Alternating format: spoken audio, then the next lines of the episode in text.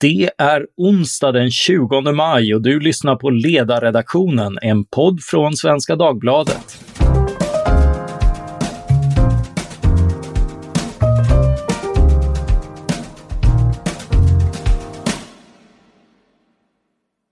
Jag heter Mattias Svensson och dagens ämne är Junilistan. För den som till äventyrs inte minns så var detta ett parti som efter att ha startat samma år kunde nå 14,5 procent i EU-parlamentsvalet 2004 och därmed skicka tre kandidater till Europaparlamentet.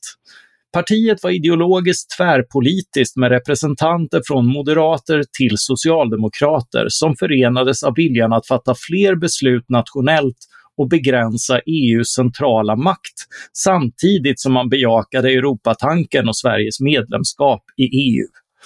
Med mig för att diskutera detta parti har jag lämpligt nog två av partiets grundare, ett radarpar politiskt såväl som privat, Eva Nisser och Nils Lundgren som är aktuella med boken Junilistan, historien om ett uppror. Välkomna! Tackar! Tackar. Kan ni till att börja med ta oss tillbaka till de där åren 2003, 2004 och vad som fick er att dra igång ett politiskt parti? Jajamän, det var ju så att eh, när vi kom fram i slutet av 90-talet så hade man då bestämt sig för att införa gemensam valuta. Och Sverige hade ett slags undantag.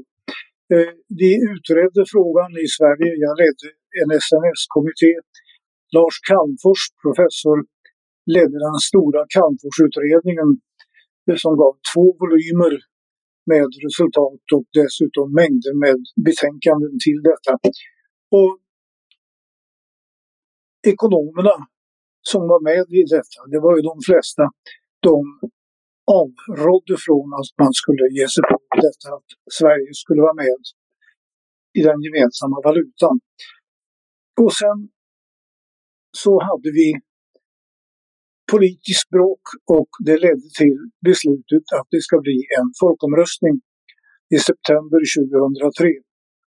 Och när vi var framme vid detta, och då var ju euron införd, då visade det sig att Sveriges ekonomer hade egentligen bytt fot. Inte riktigt allihopa, men nästan. Och varför, det kan man undra över. Men kvar står att eh, de ställde upp, det var böcker, artiklar och temanummer i tidskrifter som där ekonomer sa att det här är viktigt, Sverige ska vara med. Men i folkomröstningen, där då eh, vi var på motståndarsidan, nej-sidan, eh, jag ledde en grupp där som hade beteckningen Europa, ja, euro, nej. Och jag hade skrivit en bok med den titeln för att lära ut alla argumenten till motståndarsidan. Och så blev det folkomröstning då i september 2003 och det blev en dundersuccé för nej-sidan trots att man hade spenderat så oerhört mycket pengar, framförallt från Svenskt Näringsliv, på ja-sidan. Och trots att alla medier var på ja-sidan utom Flamman och Proletären och kanske ja, ja, ja, det var tider det. Eh, jag eh, ska ju för sakens skull nämnas att jag, jag, vi, kände, vi kampanjade ju från eh, ungefär samma kontor. Eh, de låg i alla fall grannar. Jag var på den borgerliga nej-kampanjen Medborgare mot EMU Ja, jag kan ju lägga till, då, mot, eh, till det som Nils här sa att då när väl eh, folkomröstningen var färdig, då blev ju vi väldigt nyfikna på hur man resonerade i de eh, borgerliga och eh, hos Socialdemokraterna. Hur kommer deras valsedlar att se ut? Vilka av de som var på vår sida kommer att stå på listorna? Och ju fler partier och vänner vi pratade med i de olika partierna, ju mer stod det klart att det skulle inte alls bli så. Man skulle inte sätta upp några EU-kritiska röster. Den enda eh, EU-kritiska rösten som fick komma upp en valsedel blev till slut Socialdemokraternas Anna Hed som kom på baksidan av valsedeln. Detta gjorde oss ganska så upprörda. Och det var då tanken på ett uppror väcktes, men vi var inte riktigt klara hösten 2003 hur vi skulle utforma detta. Mm. Eh, så det var, det var helt enkelt eh, i, i svallvågorna efter euroomröstningen och just att, att eh, det fanns ett antal väljare som inte i, i, i ett antal partier som inte fick sin röst tillgodosedd i de här frågorna. Precis. Och, och, ni har ju då undertiteln i, i, er bok är ju historien om ett uppror. Så var i bestod upproret och mot vem riktade det sig? Ja, vi riktade det mot de etablerade partierna och deras företrädare. För vi menade att de struntade helt i folkviljan som eh, var oerhört tydlig. Det var ett tydligt utslag i folkomröstningen. Det var en dundersuccé med 56 procent som sa nej. Och, och eh, därmed så tog man rösten ifrån svenska folket. Och vi menade då att upproret var att vi ville få dem att inse att så gör man inte i en demokrati. Och eh, vi ville försvaga deras, eh, deras möjligheter i EU-valet året därpå. Mm. Eh, om, om vi går till kampanjen så blev ni ofta förknippade med nationalistisk populism och har av en del journalister beskrivits som en förlaga till Sverigedemokraternas framgångar. Hur, hur såg ni på de anklagelserna då och hur ser ni på den analysen idag? För jag tänker att det är lite olika frågor. Ja, alltså vi upptäckte ju ganska snart under våren 2004 att det hade gått ut ett påbud inom Socialdemokraterna och Moderaterna att de inte fick ta några debatter med oss. Det vill säga, det blev överhuvudtaget ingen sakdebatt. Och för de etablerade partierna, då återstod det att försöka brun och populistsmeta oss. Och eh, om man då ser på SDs framväxt, då kom ju den initialt via invandringsfrågan. De hade ju inte mycket till EU-politik då, men eh, när de sen lyckades i val senare, då tog de så att säga i princip vår politik, den passade dem och vi var inte längre med i spelet. Mm. Eh, jag tänker att Sver Sverigedemokraterna eh, vill väl gå ur EU och det, det, är väl en viss skillnad. Men jag tänker att ni, ni har med eh, alternativ för Deutschland, det här AFD som ett exempel, har med det eh, på vad som kan hända eh, om eh, vad, va, vad som var ett Eh, EU och eurokritiskt parti som, eh, som utvecklades till något helt annat. Eh, och Ukip i Storbritannien har gått lite grann en liknande väg. Finns det några lärdomar av det? Ja, det gör det ju förvisso. Vi konstaterade när AFD, Alternativ för Deutschland, Eh, startades att det bestod av ekonomer och erfarna politiker som hade vettiga ståndpunkter i den här frågan som mycket liknade det som vi drev i junilistan. Och när vi sen ser hur de fick in folk från alla håll och kanter och hade en besvärlig historia, det gamla Tyskland och sånt där, så ledde det till att det successivt byttes ut och till slut så stod man där med ett inte bara högerpopulistiskt parti som man säger, utan eh, som då får sägas vara närmast rasistiskt och allt möjligt annat för på allvar. Inte mm. som en tillvikelse som är befogad utan på allvar. Och Ukip var ju då ett eh, parti som när vi lärde känna dem inte hade den karaktären alls. Mm. Utan de eh, ansåg bara Brexit. Storbritannien bör lämna denna förbaskade organisation och det är illa kvickt. Men det fanns ingenting egentligen som pekade på att de var eh, fientliga mot utlänningar, eh, immigration eller någonting sånt där. Och sedan så vet vi nu i efterhand att vad som hände var helt enkelt att ledningen fann att skulle de kunna erövra nog mycket röster hemma i Storbritannien, då måste de satsa på invandringsfrågan och stoppa invandrare från att komma i mängder i fortsättningen. Och det där ser man att så där ser det ut eh, när man ska bryta upp etablerade system. Det läcker och spricker överallt och eh, man måste vara oerhört noggrann och behålla den kompass som man hade, kompasskursen man startade. Ja, det där är ju intressant. Alltså, det här är ju en oerhört intressant bok i avseendet att, eh, att, att man får se lite grann eh, hur, hur man startar ett... Det är väldigt mycket en handbok i, i, i, i en demokratisk process. Och en, en sak med det här är ju att hur hanterar man som nystartat parti intresse och engagemang från folk som man inte vill ha med av ideologiska eller andra skäl? Ja, det är ju väldigt eh, problematiskt för att eh, vi eh, var, trots att media eh, inte tyckte så, oerhört öppna och demokratiska. Eh, det var ett beslut vi tog att så fort vi hade fått valframgången så skulle vi öppna upp så att säga, för alla. Så vi, vi släppte liksom in alla röster och lät alla göra sig hörda. Och det fungerar ju inte, det, det, kan man ju se helt klart. Att eh, då tar de här rösterna över som aldrig för någon sakpolitisk och intressant debatt. Utan, eh, och det är ju ett problem och det problemet har ju alla med de stora partierna. De har ju en erfarenhet av att stänga ute helt enkelt. Ja, och eh, vi hade ju kvar det här som var en stark sida. Vi hade ju egentligen inte medlemskap. Och det mm. var åtskilliga journalister som kastade sig över detta. Men vi pekade då på att då kan ju vem som helst komma in och ta över partiet.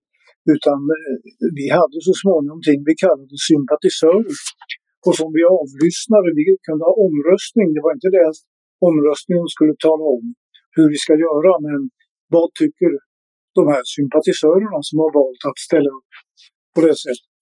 Och trots att vi på många sätt, tycker jag, hade fullt klart kompasskurs och sånt där och aldrig bröt vi som startade mot detta, så blev det ändå successivt så att det läckte in folk och det läckte in synpunkter, ståndpunkter som ledde till att det blev så småningom annorlunda. Och sen, ja, vi behöver inte gå in på detaljerna men eh, vi hade massor av människor som ville att vi skulle ställa upp i riksdagsvalet 2006. Mm. Eh, för att där skulle vi då kunna få mer än 14 procent och sådär. Det, det var aldrig tanken och vi i ledningen var bestämt emot det, i alla fall Eva och jag och flera andra. Och sen var det du som fick driva kampanjen. ja, det, och där var helt enkelt upplägget att först när det visade sig att i styrelsen där det fanns ändå en majoritet, vi bör ställa upp, så antog Eva och jag här och några till att när man ska skriva ett program för detta, vad ska vi göra på alla områden, inte bara EU-politik, kommer de aldrig att kunna enas och då blir det inget av. Mm. Men viljan att få ställa upp i valet dränkte allt annat och det blev så. Och eftersom det valet var frågan, ska, ska den borgerliga alliansen kunna besegra socialdemokratin och ta över regeringsmakten, så är det nu. Och det var det som var den frågan man röstade om. EU-politiken var helt borta. Och då gick det upp Anders. Ja, eh, jag tänker på eh, när, när ni var nystartade och egentligen under, eh, det, det, var en vanlig kritik att eh, eh, ta upp ålder. Du Nils gällde ju som gammal redan då, men, men du avhöll dig från, som Ronald Reagan från att utnyttja dina motkandidaters ungdom och bristande erfarenhet. Eh, men det var ju en iakttagelse vi gjorde kring det borgerliga euromotståndet året innan, att, att det var mycket glest bland folk i eh, medelåldern och karriärens zenit, kanske där jag befinner mig nu, med, medan det samlade både ungdomar och äldre. Är det lättare att tänka fritt och välja att avvika i vissa åldrar än i andra? Ja, jag tror att det är alldeles uppenbart. När jag ska läsa en artikel i en sån här fråga som jag tycker är mycket intressant så tittar jag vilka har skrivit den. Och om det visar sig att det är vad man kan kalla professorus emeriti, det vill säga pensionerade professorer, men eh, som fortfarande kan sina områden, står nära forskningsfronten, de litar jag mest på. Varför? Ja, därför att de ska inte gynna sin framtida karriär, den är över. De ska inte eh, komma ut med någonting som leder till att de får större forskningsanslag eller sånt där. De är fria att presentera sin syn på frågorna. Och det är det viktiga och jag tror vi kommer att få se en frammarsch för äldre experter i framtiden just av det här skälet. De som är unga i början och är beroende, de är oerhört eh, instängda och kan inte säga det som de egentligen tycker och tänker. Ja, alltså det är inte, för ett tag sedan så var det ju så att man kunde se rubriker om att det är väldigt svårt för 60-plussare som förlorar jobbet att hitta någonting nytt. I princip omöjligt. Sen kröp det ner till 50 plus och nu börjar diskussionen om att eh, det kan till och med när man är 40 plus vara svårt att hitta ett nytt jobb. Mm. Och vi har ju snävat in vår syn på ålder istället för att titta på kompetens. Och det tror jag skapar stora risker för samhället och det skapar ju också den här tysthetskulturen. Det blir de unga som ännu inte har insett att de kan förstöra sin karriär och det finns de som inte längre ska göra karriär som kan säga och komma fram med det som de tycker är rätt. Mm. Jo, jo jag, jag tror det ligger eh, mycket i det. Eh, jag, jag tänker också eh, apropå korvtillverkning och, och politik, eh, eh, er redogörelse för hur ni som nytt parti bemöttes av posten och valförrättare är också en sån här inblick av det dystrare slaget. Kan ni, kan ni ge en liten redogörelse för, för det? Ja, alltså det började ju redan med post, eh, när poströstningen startade, men det som verkligen blev en rejäl chock, det var ju valdagen. Eh, jag stod hela dagen från morgon till kväll på kansliet och tog emot samtal från hela landet om hur valförrättare faktiskt begick brott mot vallagen. När det kom väljare som undrade om de kunde ta en blank valsedel och skriva junilistan så fick de veta att nej, då blir den ogiltig. Det var eh, när väljare kom och undrade var fanns valsedlarna. Då gick man och letade bakom en gardin eller i ett annat rum eller så. Och när de ringde till oss, då ringde vi omedelbart upp Valmyndigheten och rapporterade in detta. Och det var ju samtal hela dagen där vi också ringde upp de ansvariga. Vi, vi ringde först Valmyndigheten för att veta i stad X, vem är valansvarig? Då ringde vi upp den personen och så sa vi att ni begår ett lagbrott, ni måste se till att det här går rätt till. Det var en enorm överraskning att Sverige, demokratiskt land som skickar valobservatörer kors och tvärs över världen, betedde sig på det här sättet. Det tyckte vi var oerhört anmärkningsvärt. Och även posten som då inte hade plats för valsedlar från junilistan. Vi har sedan dess undrat hur de fick plats med Sverigedemokraterna när det blev ett åttonde parti. Ja, ja jo, det, det är ju intressant eh, logistik och, och lite, eh, ja, eller rätt demoraliserande att höra just de här eh, inblickarna från demokratins korvfabriker. Eh, mm. och, och från den lilla fabriken till den stora, för sen eh, blev ju EU-parlamentsvalet en framgång och ledde till tre kandidater i fem år satt i Europaparlamentet, bland annat du Nils. Vilka är de ja. viktigaste erfarenheterna därifrån och kunde ni göra någon skillnad? Ja, det skulle jag säga att under tiden där så såg vi, det tillhör det här med korvtillverkningen, att eh, våra konkurrenter bland de svenska parlamentsledamöterna från olika svenska partier, den var baserad på att vi var värdelösa. De spred ryktet att vi inte gjorde någonting, aldrig yttrade oss och sånt där. Eh, och medierna överlag rapporterade då Och det var nu sant att eh, här har dessa politiker sagt så här. Men det var inte sant det de sa. Och eh, då fanns det ju sådana här sätt att samla in vad vi gjorde. Eh, framförallt eh, e EU-parlamentet självt. Vilka har hållit tal mest och så här, vilka har gjort si och så.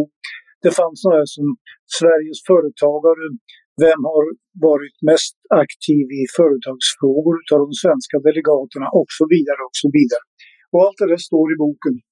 Och då finner man där att det var inte bara det att vi låg lite bättre till utan vi var totalt överlägsna i aktivitet.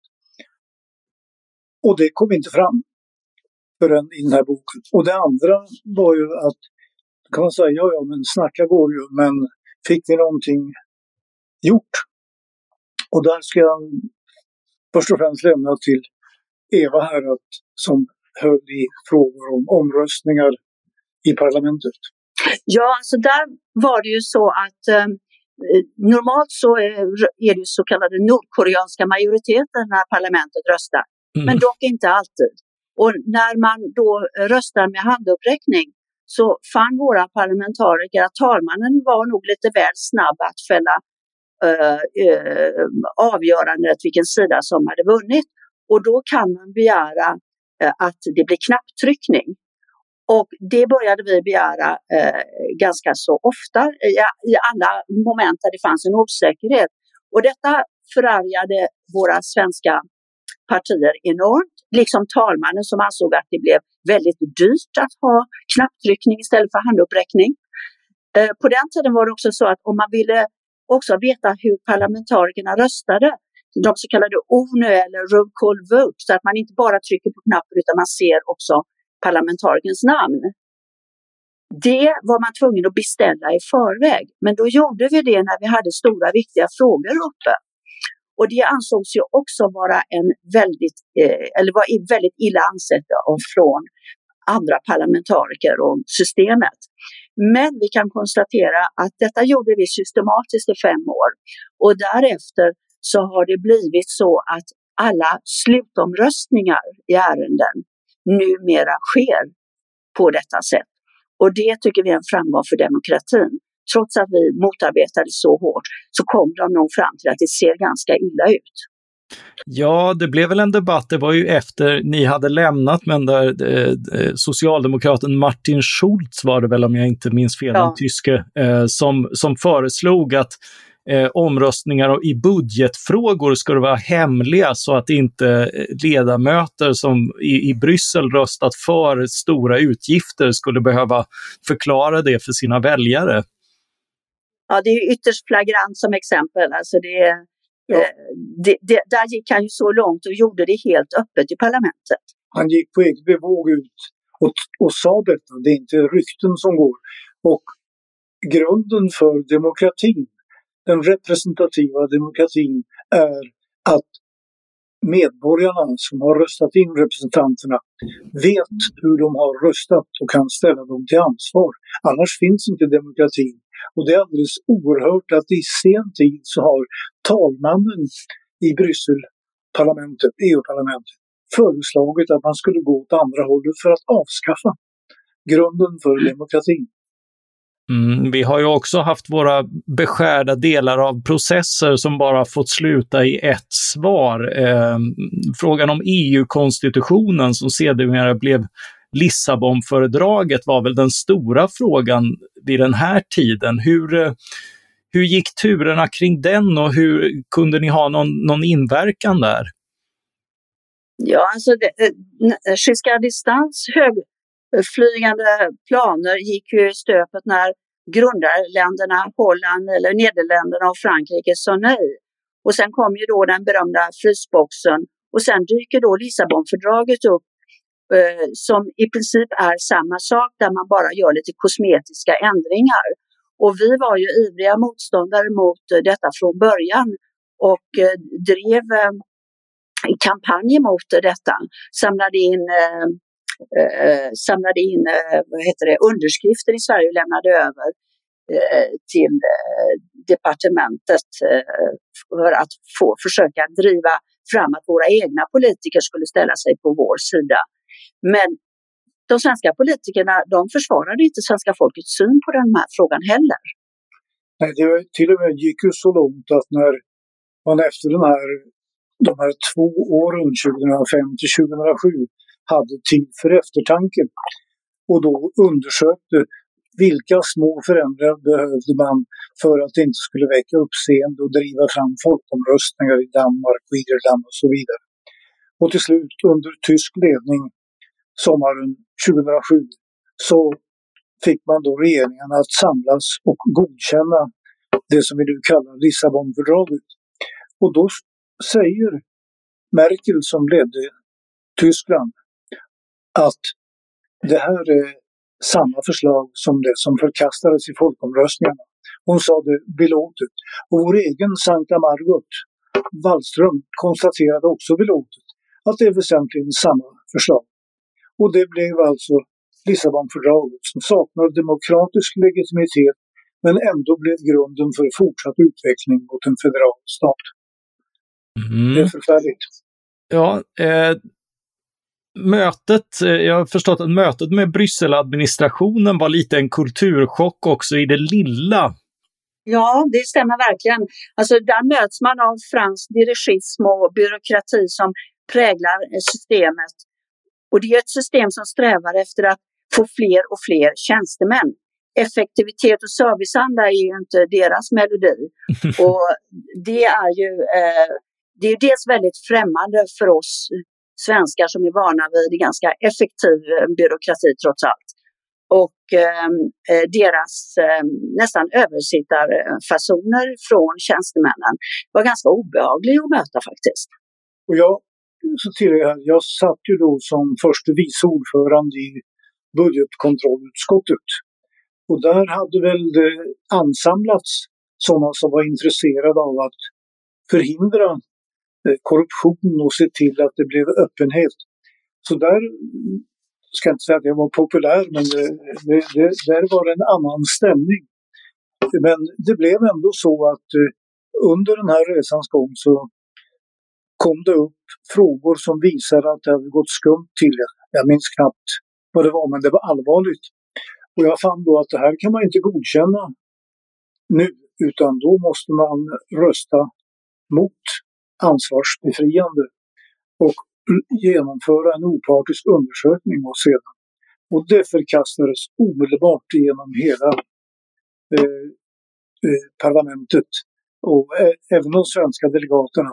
Det fick man absolut inte göra. Och det var någonting som jag fann då att jag misslyckades kapitalt. Så jag var hembjuden till eh, chefen för de som skulle det var för att han ville lugna ner mig och sånt där. Men det, det blev klart nej. Inget ansvarsutkrävande ska ske i detta parlament.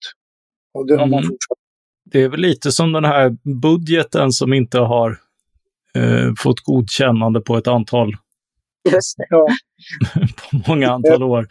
Eh, må många blir ju ändå mer positivt inställda till EU av, av att hamna i Bryssel. Och jag kan li, lite grann förstå, det, det är en mäktig känsla att komma ner och, och framförallt eh, även till Strasbourg, hur onödig flytten än är, så åker man ju genom områden där, där slag, slagen har stått och där, där liksom grannar har varit dödsfiender och, och, och blött och skjutit varandra och, och nu har man istället byggt upp någonting som ändå med alla sina skönhetsfläckar är eh, fred och, och relativ frihet i, i stora, över stora delar av kontinenten. Eh, så så hur, hur går den här processen till och, och, och, såg ni den på nära håll och blev ni frestade själva av någon sirensång under, under tiden i Bryssel? Ja, inte jag och tror knappast Eva heller, men det får du tala själv om. Men att eh, vi var ju där därför att vi var skeptiska till upplägget och hade vårt tydliga program med stöd från medarbetare. Och jag tror faktiskt jag kan säga att vi varje sammanträde vi hade med våra medarbetare för att diskutera hur ska vi ställa oss till omröstningen om den fråga som kommer upp på tisdag. Så drog jag i korthet vårt politiska program, Kompassen. Vad har vi valts för? Och att vi skulle hålla oss till detta. Och det tror jag man kan se tydligt. Vi har gått igenom här. Vi höll järnhårt på detta. Men kvar står att i modern nationalekonomi så finns ju den här eh, typen av teori som eh, principal agent problemet som man kallar det. Nämligen att eh, när man ska ha representanter, väljarna kan inte ses alla på Agora utan man får välja några representanter som sitter i ett parlament. Hur kan man kontrollera då att de där representanterna gör det som de hade fått till uppdrag, det som är valda för? Och svaret kring detta är ju i stor utsträckning nej, det kan man inte. Och eh, om vi går tillbaka där vi började folkomröstningen om valutaunionen kan man se då att representanterna valda till Sveriges riksdag, över 80 procent av dem var klart för ett ja.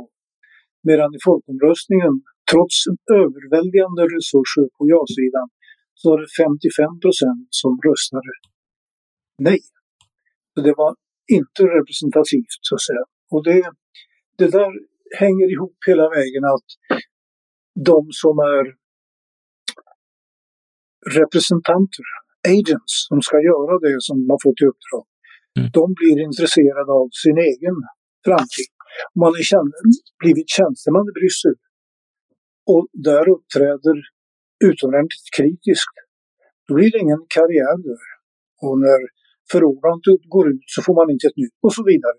Och det mm. där är, det är inte nu jag någonting som jag tycker eller hittar på utan det har utdelats Nobelpris i ekonomi för studier som visar att så går det till. The principles kan inte förmå the agents att göra exakt som de vill. Och det måste finnas tydliga möjligheter att utkräva ansvar och sånt där. Och det finns det inte. Utan där är det fortfarande illa. De som kommer till Bryssel brysselliseras på tre veckor brukar jag säga när jag är på dåligt humör. Mm. Er bok är ju, är ju berättelsen om ett partis uppgång och fall. Eh, efter framgången skulle det bli ett antal besvikelser. Vi har inne, varit inne på riksdagsvalet och sen ytterligare parlamentsval innan partiet rent formellt lades ner. Finns det något att säga om den perioden, någon erfarenhet? Ja, alltså vi var ju tre grundare. Eh, en var då Lars Wolin och han lämnade junilistan 2006 inför riksdagsvalet. Sen lämnade jag partiet eh, våren 2007 och sen lämnade Nils våren därpå 2008. Och jag skulle vilja säga att därmed var kompassen för junilistan borta. Och det strömmade till nya personer och eh, styrelsen utvidgades eh, redan på vår tid, men allt med allt fler personer. Och man hade då andra ambitioner. Och de nytillkomna de stred ju inte för gymnelistans grund och kompass, utan de stred ju för egen makt. Och då började sönderfallet. Det, man ägnade mer kraft till interna strider än att försöka vinna val kan man säga. Och det, det är väl så det ofta går. Eh, det är väl en erfarenhet som man kan se från andra håll också. Mm, och det, det, var ju alltid lite av en, eh, en, en löslig koalition. Eh, just, det, det, var ingen ideologi egentligen, utan, utan ett synsätt förvisso på Europa, men inte i, i, i form mer än substans. Det, jag misstänker att det påverkade också. Ja, man kan också säga att de som strömmade till var ju inte alltid eh, så intresserade kanske av EU-frågorna, utan de, många tänkte sig nog att den framgången vi hade 2004 skulle bära dem till positioner, till parlament, om det var riksdagen eller EU-parlamentet. Så att det, det, det, var nog väldigt mycket privata så att säga, förhoppningar som kom in. Ja, och en, en väldigt viktig sak att komma ihåg här är ju att när vi startade Junilistan, ja, det startade som ett parti formellt. Men egentligen var det ju ingen av oss där som har tänkt sig att man skulle vara kvar i det här. Utan det var att en gång visa att väljarna är beredda att gå in och ta en sån här lista och där kryssa för någon från ett parti som de gillar och normalt ställer upp för. Eh, fortsättningen, ja, jag hade aldrig någonsin tänkt att det skulle vara ständigt återkommande val och uppbyggnad av ett, en partiorganisation och sånt där. Men det var någonting som man började försöka och eh, kompassen var för svag. Mm, det var mer en, en, signal ni ville skicka fram. Och om vi hoppar fram till idag och försöker skicka den signalen, vilka frågor är det idag som ligger på EU-nivå som det vore viktigast att återföra till den nationella nivån? Ja, eftersom det är så att Bryssel aldrig slutar att önska mer makt över fler frågor, man måste alltid cykla vidare som de säger, så finns det faktiskt idag rätt stora frågor att oroa sig för. Vi har bankunionen som inte är med i ännu. Vi har räddningspaketet som just har gått igenom eftersom Finland ändå sa ja. Vi har den sociala pelaren. Så nu dras alltså arbetsmarknad, sjukvård, EU-beskattning in i, Bryssel, i Brysseleriet så att säga. Alla dessa frågor tycker vi borde stanna på nationalstatsnivå. För att medborgarna förlorar ju sitt inflytande totalt. Och eh, riksdagen har ju till slut inte mycket av intresse att eh, göra om alla dessa tunga frågor så småningom beslutas i Bryssel. Och demokratin undergrävs ju då totalt. Så att jag tycker det här är oerhört centralt för vilken väg som demokratin kommer att gå. Det demokratiska underskottet som vi talar mycket om som finns i EU, det har ju inte förbättrats på något sätt. Och ändå är våra politiker villiga att föra dessa stora, viktiga, centrala frågor som från början sades alltid skulle förbli nationella. Nu är de snart inte det. Och då vill jag som avslutning för min del nästan här nu komma med en profetia. Att vi kommer nu att få se successivt hur de som arbetar i marknadsekonomi inte i organisationerna för företag, men i företag. De kommer att bli mer och mer EU-kritiska och den processen har redan börjat. Och vi kommer att få se en helt annan situation politiskt därför i framtiden. Nu har vi vant oss vid att det här var en, någonting som låg till höger, EU, även socialdemokrater ställde upp. Det kommer nu att bli ganska så mycket tvärtom. Jag noterar att tisdagsnumret av eh, vilka var det? Dagens Industri. Dagens Industri. Huvudledaren är djupt EU-kritisk och så vänder man blad så är det ett debattinlägg från en känd VD i näringslivet som är utomordentligt EU-kritisk. Och då är inte bara beslut utan hur EU fungerar. Och detta är någonting som kommer att märkas i framtiden. Ja, jag skulle bara vilja lägga till där då att det som vi drev grundtesen 2004, som vi då fick eh, en stora del av samhället emot oss, det är just det som de nu har vaknat upp och sett. Wallenbergarna, Svenskt Näringsliv, fackliga organisationer. Nu ser de att makten glider dem ur händerna om det här fortsätter. Och nu höjer de sin röst. Men det är ganska sent att inse det har ändå gått nästan 20 år sedan vi försökte uppmärksamma de här allvarliga hoten mot svensk demokrati och europeisk demokrati kan man också säga.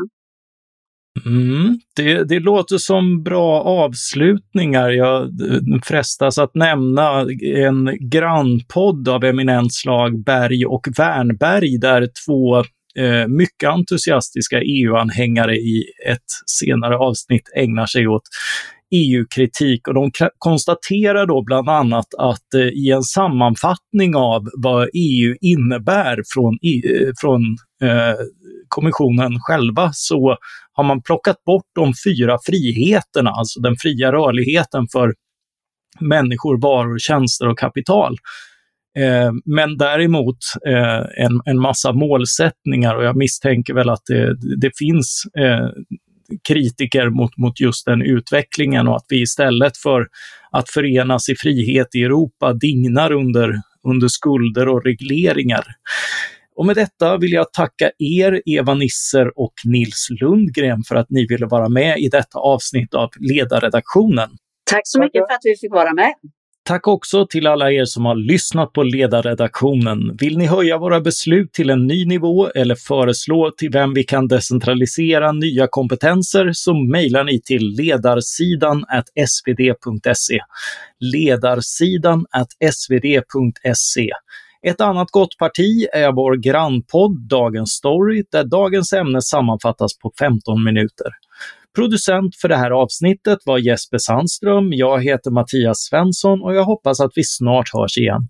Tack för den här gången.